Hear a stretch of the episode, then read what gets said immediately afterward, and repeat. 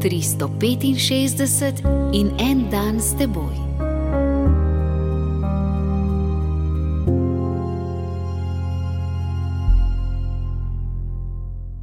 Iz prvega Janezovega pisma, četrto poglavje, dvanajsta vrstica.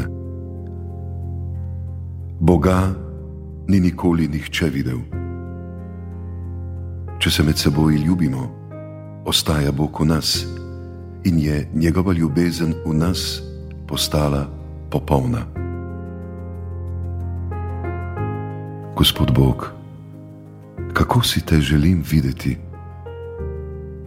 Nočem pa ljubiti zoprnega in komovčarskega sodelavca, predrznega in posesivnega prijatelja, hrupnega soseda. Rad bi te videl, nimam pa rad usiljivih pravcev vetrobranskega stekla na križiščih in pouličnih prodajalcev, ne prenašam ciganov, jezim se na priseljence iz tretjih držav, ki prihajajo, da nam kradejo delovna mesta. Rad bi te videl, ne prebavljam pa župnika, ker hoče vedno narediti vse sam. Ne prebavljam škofa, ker se ne zna odločati, ne prebavljam papeža, ker preveč potuje. Gospod Bog, ljubim tebe. Ti nisi napadalen, neposesiven, nisi predrzen, nehrupen, nisi nadut, nenadležen.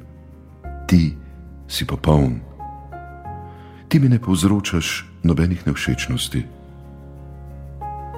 Gospod Bog, ali moram res ljubiti tudi zoprne ljudi, če te hočem videti?